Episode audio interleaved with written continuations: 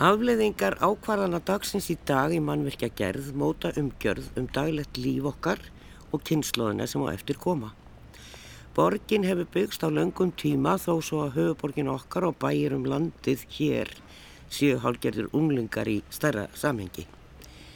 Virðing fyrir liðinni tíð, skipulagningu og nótkun er menningarafleið sem þarf að umgangast af ákveðinni virðingu og nærgjarni. Við ætlum að huga að endunýtingu í stórum dráttum í þættinum í dag. C40 er alþjóðlega samkeppni með yfirskriftinni Reinventing Cities eða Endur uppgötun borga. Fyrstu velun komu til Íslands í fjórða sinn, enda hugmyndin stórbrotin og frumleg. Og við ræðum við Marius Þór Jónasson, byggingaverkfræðing og verkefnastjóra fjölmenns hóps sem að vann að þróun hugmyndarinnar. Við heyrim í Vigni Frey Helgarsinni, arkitekt og borgarfræðingi sem starfar í Oslo en byrjum með Bjarka Gunnari Haldórsinni, arkitekt sem að skrifaði skemmtilega grein í kjarnan fyrir skemmstu um arkitektur og pólitík.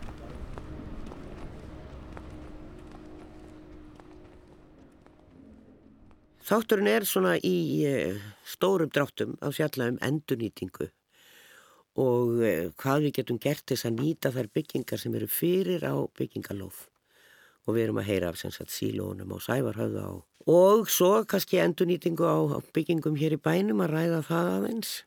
Og hvað er að gera í Danmark og Noregi er þeir miklu betri en við. En Bjarki Gunnar Haldásson er arkitekt, ungu maður og, og hann skrifaði svolítið skemmtilega grein í kjarnan í vikunni og það er að skoða þessa grein allavega á heimasíðu arkitektafélagsins eða miðstöð hönnunar og arkitektúrs. Og Bjarki segir hér í ingangi Ég gekk fram hjá byggingu um daginn sem hreyfi mig í alla staði. Þetta fallega verk bjóð yfir kingimagnæri orku sem að stuðlaði að vellíðan og kallaði fram jákvæðar hugsanir og bjart sinni til framtíðar. Hvað skóp þessa merkilegu tilfinningu? Það er nú það síðan les maður greinina sem er skemmtileg og hann segir okkur aldrei hvað hann er. Þannig að maður fyrir að ímynda sér allt mögulegt. Og, og við ætlum kannski að reyna að loka það út úr honum hvað hann er að skrifa um, hvaða staf. En eins og við vitum að það er, það er náttúrulega byggt og þjætt út um allt í Reykjavík þessa dagana og stór og bara á höfuborgarsvæðinu og sumum finnst nóg um. Ofta er þetta bara mjög háhús og, og kannski allt og mikið byggingamagn sem staðar. Maður þá kannski nefna bara Hafnatorkið í miðborginni Reykjavík þessum að hver stórbyggingin rýs á fættur annari alveg upp að þeirri næstu Hvað sástu þarna sem skapaði þennan, þennan þessa velliðan? Hvað sá ég? Mm. Það er raun og veru eða það sem stendur sterkast fram er að ég sá bara ákveði mannlíf Já. ég sá í raun og veru eins og ég kannski er að lýsa að maður sá fólk bara vera að tali og vera einhvern veginn í daglum átöfnum og þú veist það vistist og fólkinu vistist líða vel. Uh, og þá fór maður auðvitað að skoða í raun og veru hvaða var sem bjóð til þessa veljan og, og raun og veru allt frá kannski skipulastígi og líka niður í bara smáðri hvernig maður bara gengur frá byggingunni. Og maður fann einhvern veginn ok, hér er svo, það var svo margt svona margt jákvæmt að gerast bæði í hinnu stóra samingi en líka í hinnu litlu núansum byggingareinar og þetta er kannski raun og veru en ég er vissulega að lýsa kannski almennum gæðum sem maður vil sjá í arkitektur. Og kannski svona líka að er að fram í raun og veru að þetta stóru drættinir og hefur litla þetta skiptir allt máli. Og kannski er líka skemmtilegt að því að það er raun og veru svo margi sem koma að sem láta þetta gerast. Og það var kannski líka kveikin að því að, að hvað á sér stað þegar bara verk eru velhæfnuð það er líklega að mínum að þetta er mikilvægt að rýna í það bara þegar hlutinni ganga vel. Og, og við getum þú veist þá tekið það lengra í, í fleiri verskum múnandi það var svona svolítið kveikjan. Það er spurningum þegar að vera hanna á deiliskypilegja bæði lóðir og fyrst er ramaskipila og svo kemur deiliskypila og svo kemur arkitekt og framkvæmdaraðili að verkonum mm. og Sko, við tala mikið um mannlíf millir húsa hér í þessum þáttum mm. og, og vitna ofti í Jan Gjell, danska mm. sem er bara þekktu fyrir sína bækur og skrifum það og framkvæmdir út um allan heim. Þessi vinna til þú nú starfa sem arkitekt að rýna svolítið í hvað gerist þegar einhverju komin inn í þetta hús? Er, er menn of uppteknir við að að vinna reynilega bara verkið nógu rætt og vera kannski ekkert að pæli hvernig fólki líður akkurat þegar þetta er allt saman komið. Fær sína íbúð og búið því farin bless. Já, ég held bara í mörgum tilfellum þá bara er fólk að vinna hlutin á rætt. Það verður að segjast eins og er og, og kannski gleymir raun og veru að veist, þetta eru miklu meir en bara eitthvað svona mannverki í umhverfinu. Þetta eru ífyrstæðir fólks til að búa í og það er alveg, þú veist, verður að segja eins og er að veist, það eru mörg hverfi höfðborgarsvæðinu sem manni finnst ekki hafa tekst ná vel og það er mikil synd að því að það eru eittir miklu fjármunir í að byggja hús, mikil, mikil orka sem fyrir að byggja hús.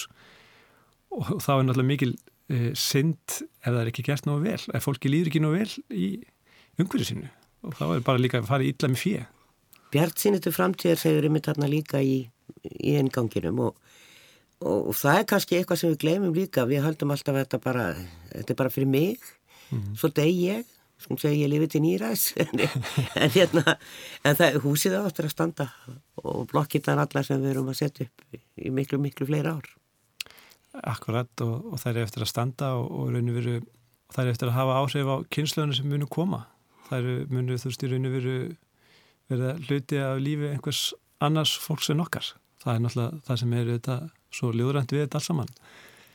Eh, en þess vegna er um að gera er raun og veru þú veist þegar maður horfir þetta tíma perspektíf að, að vanda sig og, og það er alveg eins og þegar maður gengur um þú veist rótgórum hverfi hér á höfðborgarsvæðinu eða annars þar að, að það voru ykkur aðri sem löðu hönd og plófi að, að skapa eitthvað sem sko gekk lengra inn í lengra en þeirra framtíð var, var. Og, hérna... og oft bara stutt. Við getum til dæmis bara minnst á Sigvalda Tórdarsson sem dó mjög ungur en var mjög frambæralegur arkitekt á sinna æfi og gerði margt nýjunga gjant og, og, og hérna svona frumlegt er að hann er að tekna hér fyrir Reykjavíkinga og reyndar út um all land. Einmitt og alveg meiráttar arkitekt og, og raun og veru veist, svona fleiri af hans kynslu sem við raun og veru gerðum margt fyrir umhverfið og það er kannski líka stundum reynum við þess að þegar maður sér byggingar frá þessum tíma þá stundum finnst mann að það er ekki endilega eitthvað rosalega fallegar. Stundum, en mann finnst það áhugaverðar og eru kannski örfandi það er einhvern veginn að prófa einhverja hluti.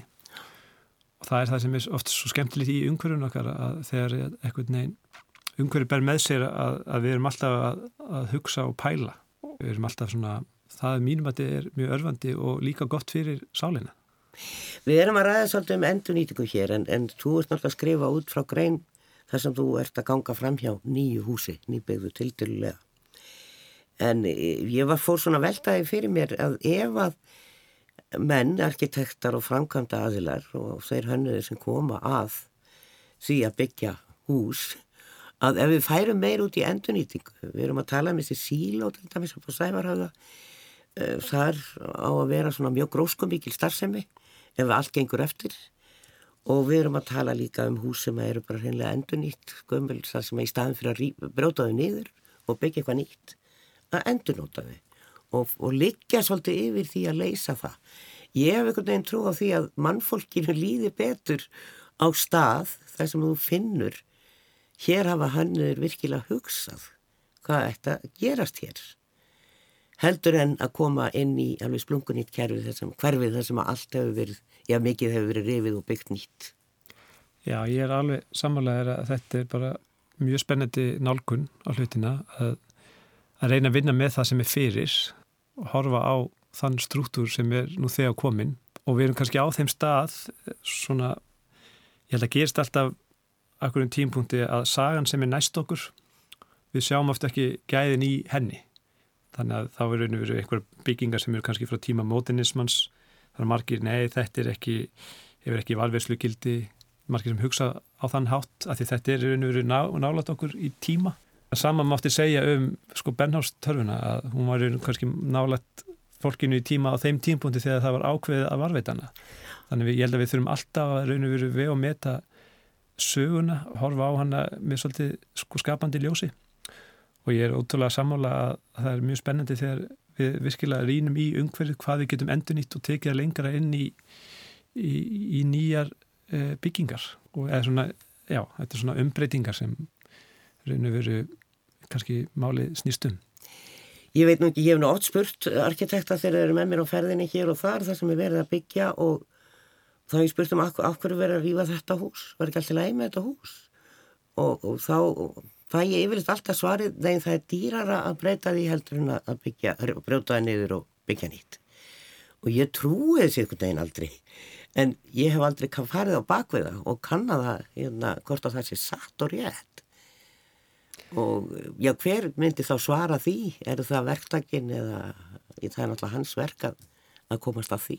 Já, það ég verði átt að ég get ekki alveg svarað þessu eins og skot. Nei. Eh, það er raun og veru hægt að leggja hlutina þannig upp að það er auðvelt bara að koma með einhverja kúlu og bara brjóta allt niður og byrja frá grunni.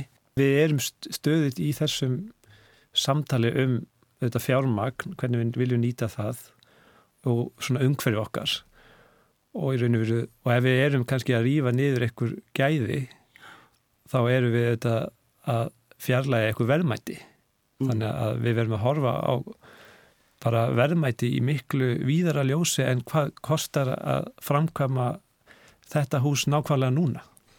Og það er náttúrulega, eh, sko modernismin hefur nú svolítið farið í taugarnar á fólki undanfærin ár og fólki finnst einhvern veginn allt í lægi bara brjóta þau hús en það má ekki rýfa bárjóshús og það má ekki hauga niður tré. En e, og fyrir utan náttúrulega þegar við erum að brjóta þessi hús niður þá er þetta mjög mengandi og steinsteipa er það bara að byggja eitt hús er mengandi ég vil sérstaklega minna á kannski hús á vitastík sem að niður eftir vitastík niður á skólagötu sem voru brotið niður og virkaði þó að eins og þessi hús væru alveg heil. En það getur alltaf einhver komið og sagt við mig það er miklað við erum með stórt hús Íslandsbókahúsið á Kirkjöldsandi, þá að rýfa það.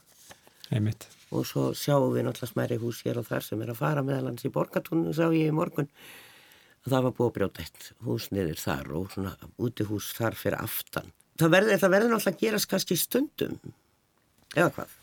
Jú, líklega, það er, þetta bara, þetta er bara, getur verið svo mörg mismundi tilfelli Já. og þetta þú kemur einhver tíman að þeim tíumpunkti að, að, jú, að, að það að rýfa sig kannski rétt að lausnin en það sem okkur kannski skorti stundum í þessum málum er að bara raun og veru að við er, það er eins og við höfum kannski ekki nóg skýr tæki til að við og meta hvaða ákveðin á að taka er þetta fjárhagslega spurning er þetta spurningum um eitthvað skonar miklu eða þannig er þetta líka fagafræðilega spurning og söguleg spurning og við þurfum með raun og veru að vera miklu dugleiri að, að kannski búið til svona greiningatæki til að leggja mat á umhverju okkar og það sem við getum tekið lengra og skapa nýtt mannlíf.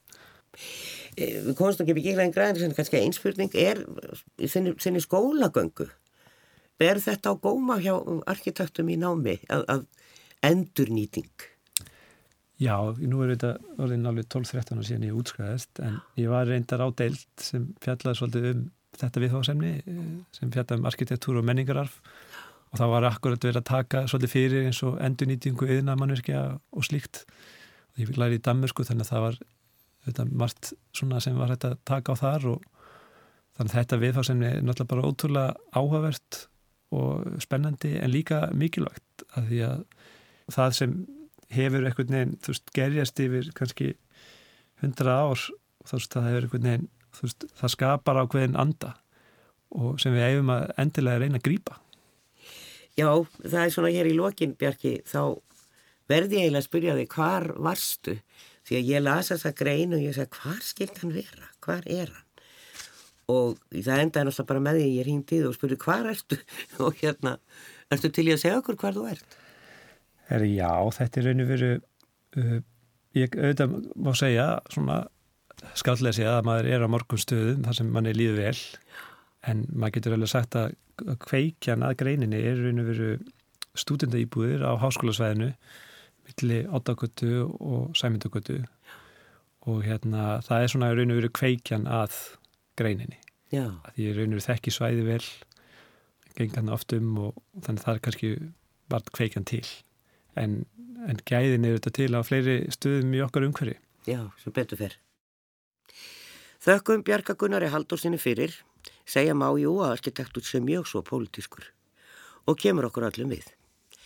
En hvað er menna að hugsa át í löndum? Er umræðin um endurnýtingum komin miklu lengra en hér á landi? Við sláum á þráðin til Oslo. Vignir Freyr Helgason, arkitekt og ráðgjafi minnjastofnuna Noregs, kynnti Mastæs riðgerð sína frá þryggja ára reynslumiðiðu framhaldsnámi í arkitektur, verndunar og borgarfræðu við arkitektur og designháskólan í Oslo. Fyrirlæsturinn var í grósku 7. september síðasliðin. En arkitektafélagi býður nú upp á forvetnilega fyrirlæstra fyrsta þriðjuta hvers mánadar í vetur. Vignir Freyr Helgason kom til sæl Ég náttúrulega heyrði ekki fyrirlæsturinn en, en ég fóri yfir þetta, þú sendi mér fyrirlæsturinn og það fyrsta sem að ég ræk augunni eru all þessi nýju orð, það eru allir að reyna að jafna kólöfnisborið og, mm. og, og þáttur í því er náttúrulega endurnýting bygginga og endur gerð en það er ótrúlega mikið af nýjirðum í kringum þetta allt saman sem að maður skilur vel en, en samt að þetta er ekki, þessi umræða er ekki að það háu plani hér á Íslandi að að við þekkjum öll þessi, öll þessi orð. Það voru svona ímislegt sem þú varst að segja hérna í lokin, það er mikilvægt að huga því að nótkunn geti breyst í framtíðinni í byggingum sem við byggjum. Efni verða krappari og já, hvað hva, hvað er þetta að meina þar að efni verða krappari? Já, það sem við erum að skoða svolítið í minnjastofnun henni núri, við erum kannski svolítið framalega þegar kemur að sjálfbæri hugsun og og það er við bæði að tala um umhverjusvæna sjálfbærnum en, en líka í, í, í, í kannski víðra samengi. En, en þegar kemur að efnisnótkun þá, þá er það um það að, að kannski auðnarinn, eh, byggingarauðnarinn stendur fyrir uh, stórum hluta í rauninni hverja kólumspora sem við, við skiljum eftir okkur. Þannig að það er í rauninni verið að skoða meira og meira hva, hva, hva, hvort við getum í rauninni nota minna af, af efnum einmitt til þess að fá, fá, fá fram umhverjusvænari eh, borgar og byggjarþróun. Við sjáum jú margir hafa komið til Kaupmannahafnar og þar sér maður til dæmis á Kristjáns Hán og svo í Kaupbíun eh, það sem hefur verið að endur nýja eh, og endur nýta gamlar byggingar, þetta er á Hafnarsvæðinu á Kristjáns Hán og það er meðal annars íslenska sendiráðu til húsa í svona endurunnu húsi. Og síðan sjá maður þetta í Manchester og Liverpool, ég var á ferðalagi þar en við erum ósköplítið að gera þetta. Ég hef ekki komið til Oslo og, og, en er, er þetta mál komið langt? Eru menn mikið endur nýta í Oslo? Það er kannski minna um það í Oslo uh, þegar það kemur á menningar minnjum þá er maður kannski meira að venda einstakar byggingar uh, en það er meira og meiri áherslu núna legur á að venda menningarsvæði og, og það er kannski í rauninni það sem ég kannski tek svolítið upp í þessu, hlýtgerminni er að benda á kannski eh, þessa ólíku nálgun sem maður hefur í Oslo og með við Kaupanhöfn þegar það kemur að vendun og þróun yðnaðsvæða. Það hefur maður í stærra mæli í rauninni varðvitt eh, kannski staðarandan eh, í yðnaðsvæðinum í mitt Kaupanhöfn en hér hefur maður verið að rýfa rosalega mikið af yðnaðsvæðum og, og, og í rauninni er áhrifin þau að, að maður tapir ekki bara þannig heldur uh, verður nótkunn líka einsleitari. Í rauninni breytir maður inn að þannig hérna í Oslo mikið að, að það verða bara íbúðasvæði. Eins og læst, mm. læst nótkunn eins og kallar í rittgerðinni? Einmitt, einmitt. En, en að maður bara verða saman við til dæmis skuðbíinn sem þú nefndi þá þá er það mjög, mjög mikil og fjölbreytt mótkunn en maður hefur varðitt mann að stapla reynaðabyggingarnar á, á svæðinu. Þannig að maður slæðir í rauninni tverrflýður í, í einu huggi þar, getur maður sagt. Já og þú segir líka sagt er að 80% þeirra byggingar sem við þurfum á að halda í framtíðinni eru nú þegar byggðar. Já, þetta er allavega mikið haldið fram hérna. Það er spurning hvort þetta sé rétt en, en það er allavega talið, talið að það sé. Við verðum í rauninni, kannski okkar heimsluta, kannski er við, er kannski verður ekki mikil fólksfjölgun uh, og það er búið að vera byggja í svo rosalega höfðum takti allavega hérna, hérna úti að það, það er ekki vist að maður þurfi allar þessar byggingar í framtíðinni. Nei, það er nefnilega það.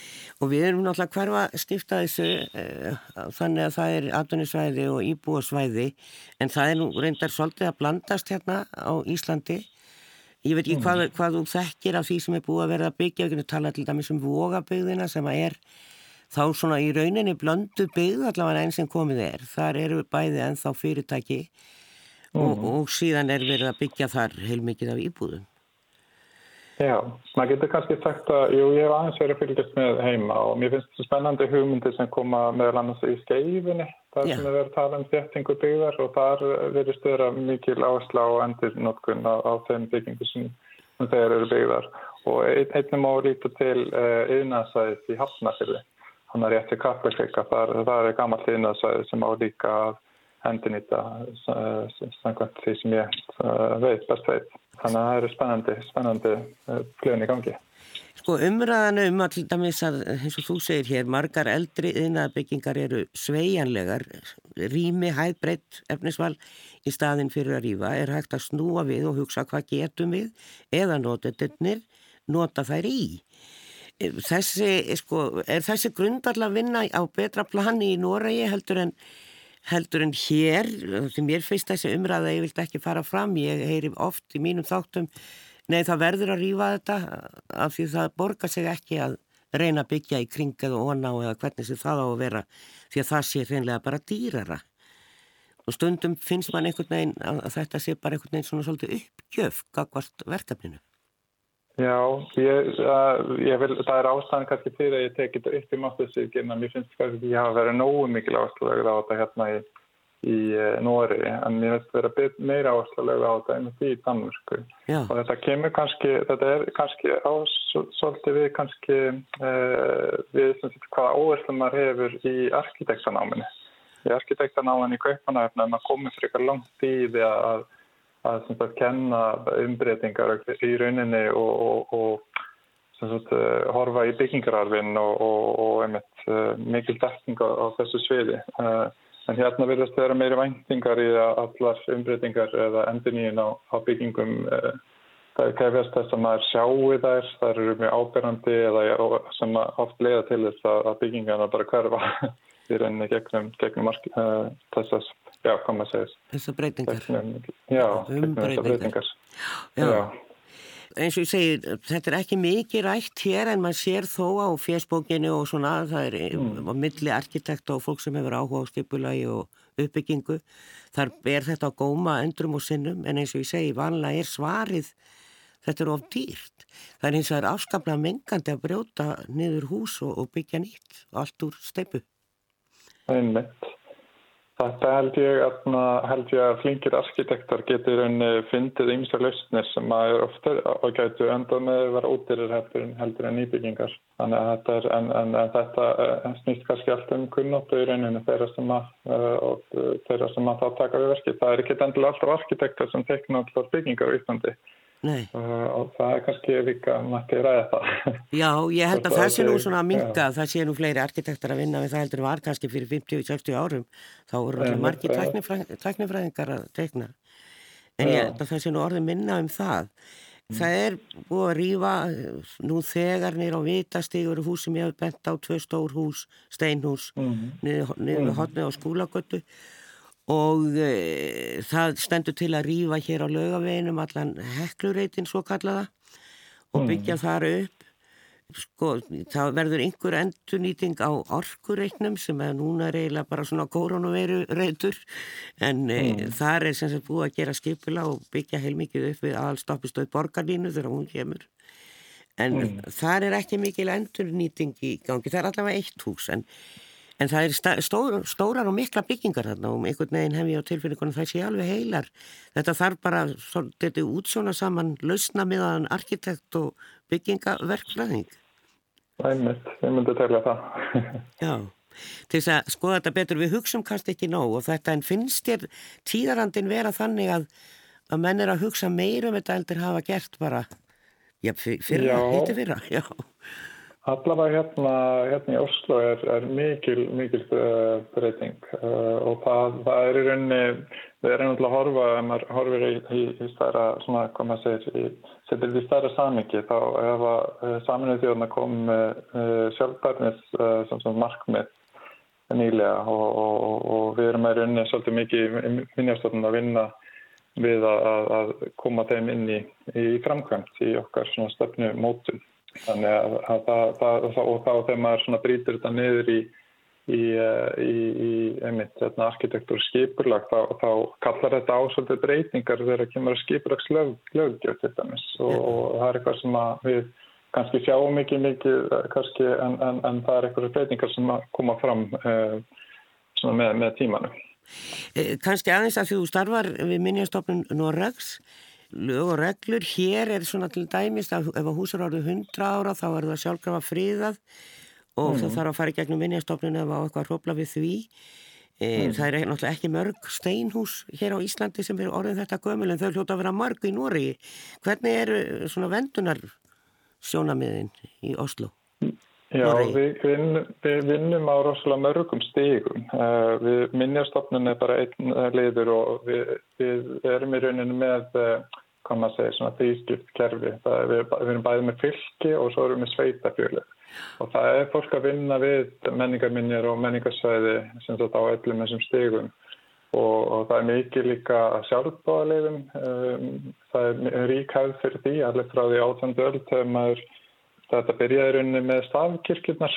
Eh, það var svona endunarsamtök sem, sem að fór fyrir því með, með það í farabóti að varðvita þæs. Eh, það stóð til líka að rífa þær á sínu tíma en þetta er álitinn svona að koma sér byggingararur sem, sem ekki til aðeins þar anþess sem að, að nýtur svona alþjóðleira viðkningar.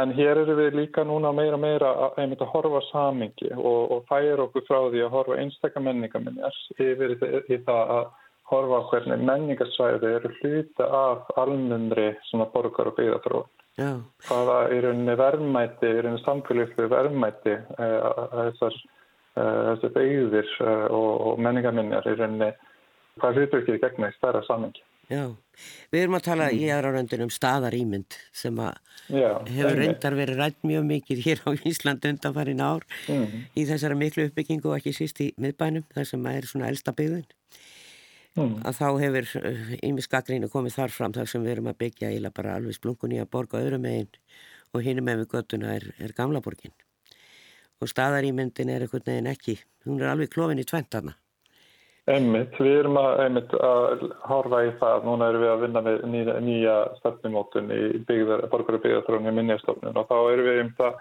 að gera kannski svolítið kröfum það að, að, að það sé runni að nýja byggingar aðlæða sig menningarsæðinu í stærra mæli. Einmitt til þess að þetta sé ekki lítið á þetta sem, sem það er ólíkar, ólíkar mótpólar heldur einn heild og það, ég, það er eitthvað bennst að það í Karlsækstíðin í Kaupanhafn ef við fyrir aftur að mastersýtkirni þá, þá er einmitt svo kannski uh, svo nálgun nótið það er rosalega mikið ný, byggt nýtt en það er byggt svona út frá sögunni.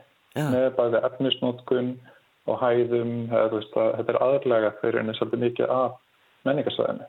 Það er svolítið áhugast þetta er alveg einmitt, þetta er alveg í, í, í hvað maður segir svona kontrast við það sem við sjáum hérna líka í Nóri og mörgum af þeim sæðum sem ég kannaði í rittgerðinni eh, Kværnabíun og, og, og, og að þessu leiti líka í Vulkan.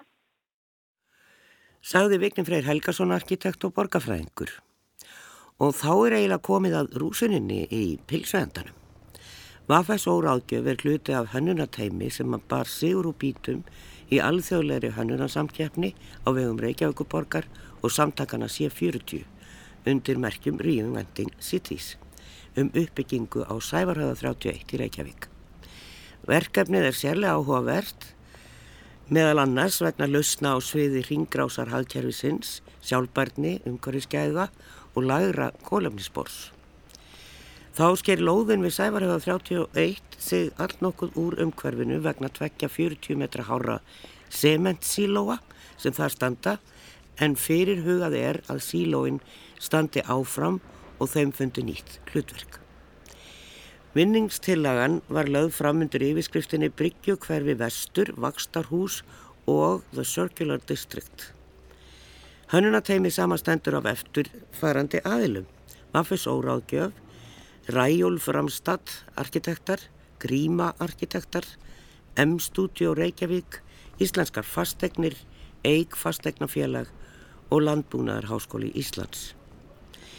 Við skulum bregða okkur í borgatúnið og hitta verkefna stjóra verksins.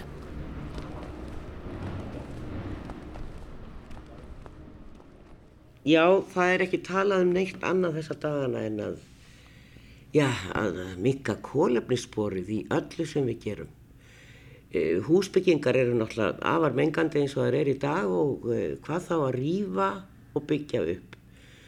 Spurningum að endunýta og það er náttúrulega þessi þáttur fjallar um í rauninni og svona kannski um manneskjöna, hvernig, um, hvernig manni líður í umhverfinu.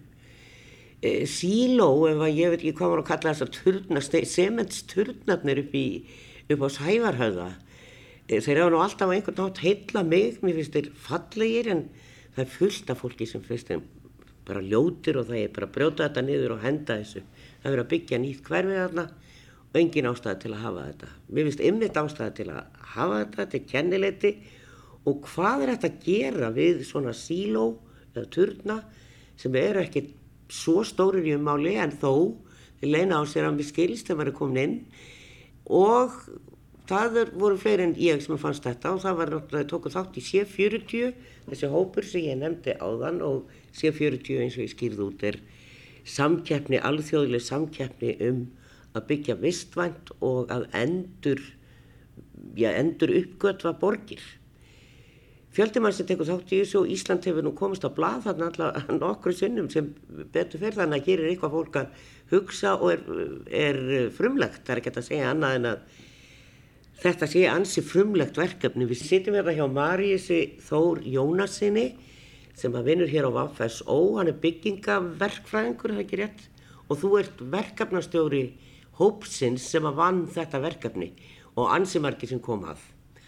Þetta er mjög frumlegt verkefni að hugsa um þessi síló. Já, Lísa, það er vægast sagt rétt til orðatekið. Verkefnið er frumlegt.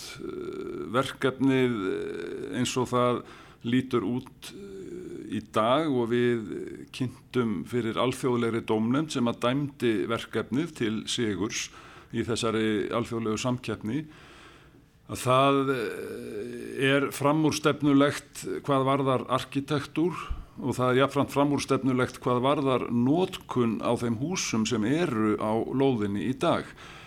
Eh, það er nú kannski orðum aukið að kalla þetta hús, þetta eru eins og þú sagðir í yngangi þínum hérna í þessu samtali okkar, Þetta eru tvö síló sem eh, eru ára tuga gömul, hafa staði þarna á sjávarkantinum í tengslum við sementsframleiðslu á Akranesi.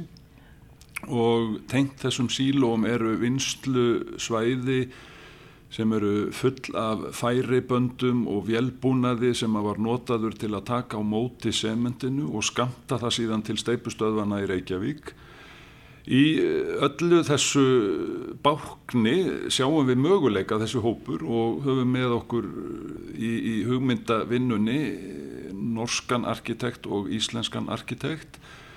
Við höfum með okkur verkfræði ráðgjafa frá mínu fyrirtæki hér, Vafisó Ráðgjöf. Við höfum með okkur hugmyndasmiði á sviði nýsköpunar sem að halda til í hinnu stórskemtilega húsi Grósku í Vasmýrinni og við höfum með okkur Landbúnaðarháskóla Íslands, við höfum með okkur stóra aðila í íslenskum byggingariðnaði og fastegnamarkaði. Þannig að hópurinn telur sannilega eitthvað vel á fjórðatug manns sem að tók þátt í undirbúningi verkefnisins. Það er ekki sjálfsagt að geta dreyið að sér á fjórðatug aðila og sannilega einn eh, átta eða nýju fyrirtæki í einhverja vinnu sem að skilar ekki endilega arði í eh, kassan og það kom í minn hlut að eh, draga þessu fólk og sína fólki fram á þarna væri til framtíðar spennandi kostur.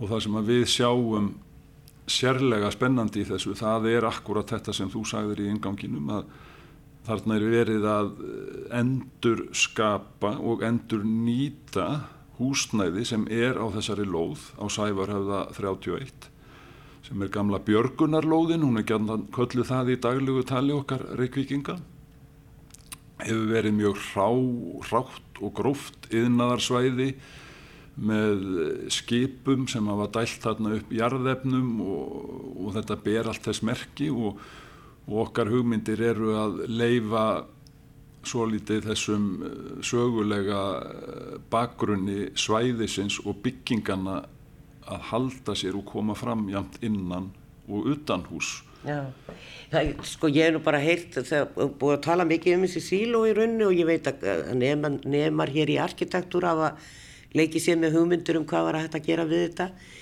Sko þannig að maður fyrir að hugsa um hugmyndir sem slík því að eins og ég segi, það, hvað er hægt að nota svona turna í? Það, það eru glukkar á þessu eins og samkvæmt eitthvað teikningum og ég var bara fór að hugsa um býtu hverjum dætt þetta í hug? Og þetta er svona markmiðið á endanum að þetta verði svona ekóþorp eiginlega. Að, að það verði byggt hérna eitthvað aðeins í kringum þetta. E, eitthvað á húsunum endur nýtt það er náttúrulega líka markmiðið að vera ekki að rýfa heldur eitthvað kannski að byggja eitthvað við.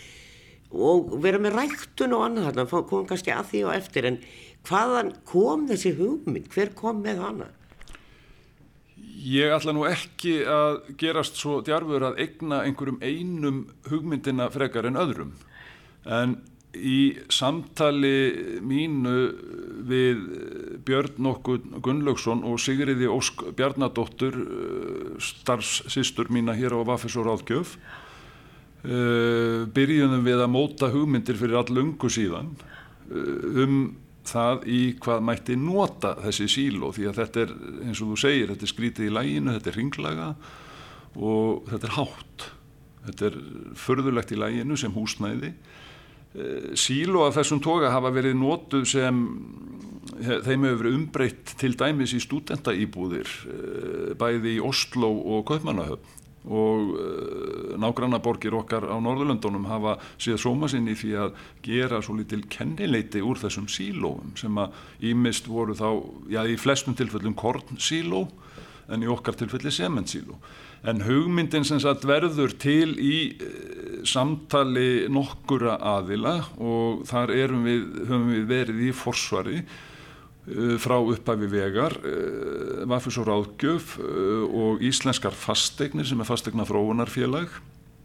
Við höfum verið með Landbúnaðarháskóla Íslands með okkur í þessu og nýsköpunar fyrirtæki sem ég nefndi áðan sem heitir M-Studio. Öllum þessum hugmyndum hefur verið sapnað saman og það hafi verið haldnir svo kallar hönnunar sprettir til að abla hugmynda í hvað getur við nota þetta Allt þetta hefur síðan verið bórið að borð fyrir okkar, eh, okkar flottu arkitekta og þeir hafa síðan mótað eh, umgjörðina ef að svo má segja. Það er að segja hvernig eigum við að hýsa þessar hugmyndir sem hafa orðið til.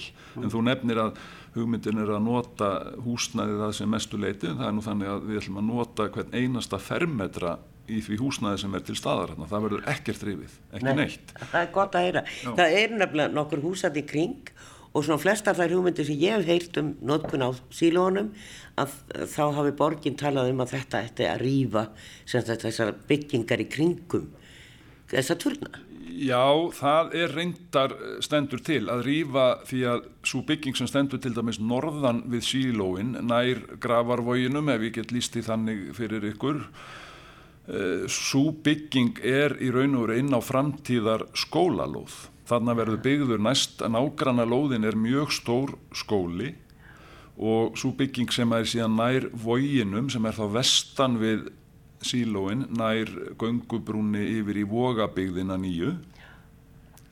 Svo bygging lendir líka í raun og veru eh, undir skipulögðu svæði sem er hugsað fyrir annað en þær byggingar eru í sjálfu sér ágætar til margs brúks en svo að minnstakosti svo sem er inn á skólalóðinni hendar engan veginn til uh, notkunnar fyrir skólan Nei. og er algjörlega á skjön við skipulagið á svæðinu. En allt sem að umleikur sílóin sem slík það mun verða óhreft í okkar tiluga Já, það er bara það. Eh, Sko maður hugsa þetta er allt gert bara án tekna. eh, þessi stóri hópur og, og það er nú, fólk er í vinnu og er á full í vinnu og er jafnvel að vinna yfir vinnu til að klára verkefni sko, hva, þetta er svona eitthvað margra ára plan, hvað heitist einu sinni í mánu eða hvernig, hvernig haldið þið áfram?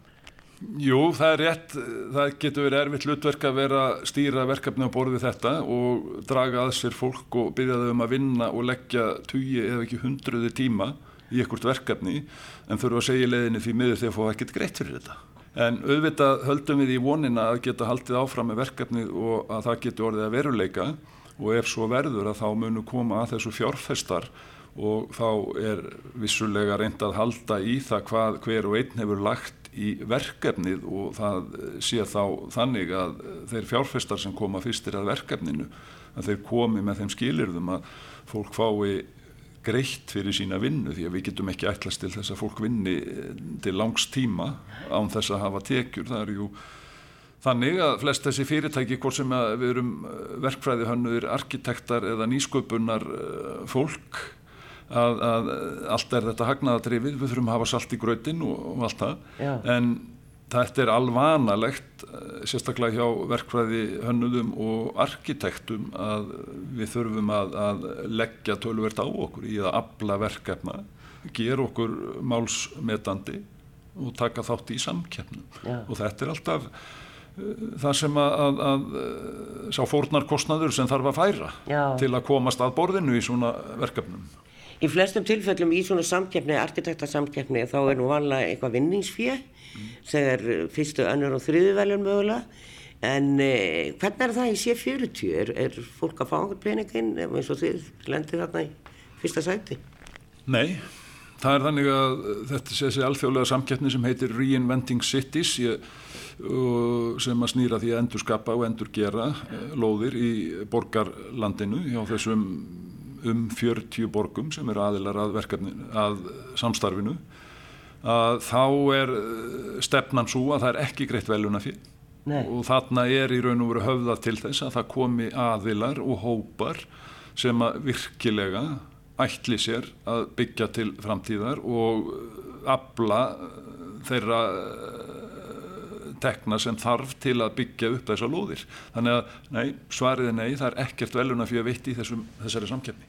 Það má vera með góðan áhuga og, og svona vera spenntu fyrir því að, að breyta einhverju í sambandi við byggingar og, og, og bara framtíðina að endurnýta í staðin fyrir að, að rýfa. Þannig að það er alltaf forvöldið hvað ætlaði að hafa í þessum sílóum því að auðvitað eru þarna hús í kring og þetta er mikið gler og það er ræktun og annað og ímislegt er fram að manni skilst en, en turdarnir eru ennþá bara býttur nú við hvað að vera í þeim. Já, það get ég sagt Elísa því að það eru margi sem spyrja byrju hvernig í óskupunum ætlaði að fara því að rækta grænmeti og matjurtir í þessum turnum? Er ekki venjan að rækta slíkt í gróðurhúsum sem eru byggð úr gleri? En það er mikil breyting sem eru orðið á matjurtaræktun á síðustu árum og hér á landi er meðal hans fyrirtæki starfandi og hefur gert sig metandi á þeim markaði sem heitir Vaksa Já, og til þeirra höfum við leitað og aflað okkur þekkingar og fengið staðfesting á því að það er ekkert sem mælir á móti því að rækta matjurtir til mannleldis í svo kallari lóðréttri ræktun, það er að segja með stýrðri lýsingu. Og þú nefndir áðan að það eru jú gluggar á sílónum en séum við að fara út í það að rækta grænmeti í þessari lóðréttu ræktun svo kallari þar sem að lýsingunni er stýrt og hittast í hennu þá eru gluggarnir í raun og veru bara leikmyndir ég skil. því að í, ekkert dagsljós mun komast inn í og þetta er hugsunin í öðru þessara sílóa að setja í það milligólf þannig að við búum til nokkrar hæðir í sílóin og í öðru sílóinu verði ræktun af þessum toga ásamt því að þetta verði líka fræðslaf hvort sem er fyrir ungu kynsluðina eða fyrir okkur borgarana sem borgina byggjum nú hitt sílóið er kannski ekki alveg skilgrend í hvað það verður notað en eitthvað sem tengist ræktun vonandi og gróska er svo litið likil hugtak og við vinnum í raun og veru með vinnu heiti á verkefninu okkar er vakstar hús í öllum þess víðasta skilningi. Við þá erum ekki bara að tala um að það vaksi grænmeti heldur að mannlífið vaksi og dafni. Þannig verði þjónusta við borgarana í þessu stóra hverfi sem að verður álíka fjölmend og grafarvóðurinn er í dag. Meiningin er að byggja við eh, sílóin til eh, austurs sem að snýr að núverandi bryggjukverfi ef að fólk sér það fyrir sér og þar verði svona hefbundin þjónusta fyrir íbúana í hverfinu á borð við ja, apotek og einhvers konar maturverslun hvort að og vonandi að hún verði af þessum toga sem að ennú alltaf að vera meira og meira vinsselt þar sem að fólk hefur tækifæri til að kaupa ferskar vörur og veit uppbrunna þeirra Já. það er aldrei að vita nema jafnvel einhverja stóru matvæla keðjónum verði þarna nú efst upp á sílónum er í dag steiftur stokkur nokkur skonar sem að gerir áð fyrir að í okkar vinningstillögu að verða nýttur sem veitingastadur Já, það verði sett lifta þarna og þetta verði panorama veitingastadur og ofan á þessum sílóum er útsýni sem að ég fullir þig á sér varla nokkra líkingu á Reykjavíkusvæðinu þetta er, það er vissulega mikið útsýni ef maður fer upp í törn Hallgrímskirkju en þetta er alveg nýr vingill í raun og veru á útsýni í Reykjavík að fara upp á þessi síló. Þannig að það er hugmyndin. Þannig að Þetta er sambland af matjurta framleiðslu, verslun og þjónustu, samkomustadur fyrir fólk, lifandi staður, að grásrót hvers konar eigi sér þarna sama stað, utan þeirra verður einhver ræktun eins og kostur er í uh, litlum gróðurhúsum, Þarna á fólk að geta komið og, og sótt sínar vörur sem það pantar í, í, í netverslun eða slíkt sem að verður ævinsætla hvort sem um er að ræða grænmeti eða kjötvöru eða, eða almenna nesluvöru. Þetta hefur verið kallað Já. og það er búið að reysa eina svona Piccolo stöð í Kópavói og þetta er í samfunnu við okkar snjöllu nýsköpunar hönnuði hjá M-Studio í Grósku. Þegar að samningum verður lokið við Reykjavíkuborg um uh, lóðina, þá förum við að afla fjárfesta, eða leita fjárfesta í verkefnið. Við erum vongóð, verkefnið hefur fengið jákvæmt umtal og það eru margir sem hafa í áhuga. Bæði úr þessum atvinnu geira sem að snertir ræktun og grósku og svo aftur úr þessum hefbundna byggingageira. Við erum búin að ná býstna vel til þeirra aðila sem að við teljum nöðsynlegt að hafa með í að skapa í að nýtt líf á þessari lóð. Svona kannski lokin, ég gerir ráð fyrir að þú hafi farið inn í þessi síló eða hvað? Ég veit um nokkra aðila sem að fengi að gera það og það sé svona bara rík yfir öllu, náttúrulega mjög fíngert rík úr sementinu og svo séu þarna döðir fugglar og, og annað þannig lítur að hafa verið skrítið ef þú hefur farið inn. Já, þú er greinlega heyrt ímislegt lýsa því að þetta er akkurat lýsingin að það er, það er stórkostlegt að koma að inn. Þetta er nú eins og að ganga bara einhver áratvíi aftur í tíman. Það er þarna tiltullega fortfálegur og einfaldur vélbúnaður sem tilherði sementsskömmtuninni og móttökunni og það er líkt því að þarna hafi starfsmenn bara staðið upp fyrir, já, allir sé ekki 15-20 ár síðan hægt var að sekja sement þarna, eða jafnvel meira, 25 ár kannski. Og þarna hafi menn bara staðið upp úr stólu sínu, slögt á færibandinu og gengið út og lokað eftir sér. Þetta er akkurat þannig því að þarna hanga gömlu sementspokarnir ennþá á einhverju færibandi og bara síðasti pokin sem ekki var búið að fylla á, hann hangir ennþá á færibandinu það er upplifun að koma þarna inn og ég er búin að fara um all, öll mannvirkinn, fara inn allstaðar, upp á þak og upp á topp, en inn í sjálf sílóin hef ég svo sem ekki farið, endur þau bara hólir tankar og ekki svo sem mikið að sjá þar. Það er ein leið til að komast inn í sílóin og hún er ílfær aðlikjandi byggingar sem tilheyra sílónum eru stórkostlegar með mikla lofthæð með alveg ótrúlega skemmtilegan arkitektúr að okkur, okkar arkitektum þykir.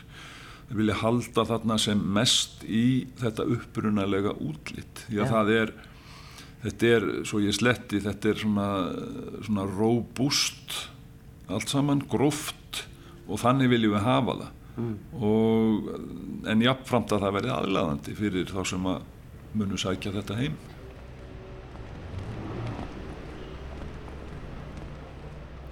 Sæði Marius Þór Jónasson byggingaverkfræðingur hjá Vafesó. Og fyrir þá hlustendur sem vilja kynna sér þetta nánar bendi ég á heimasíðu Vafesó og það er að sjá nokkra myndir af fyrirbærinu. Og þar með sláum við botnin í þáttur í dag. Verðið sæl.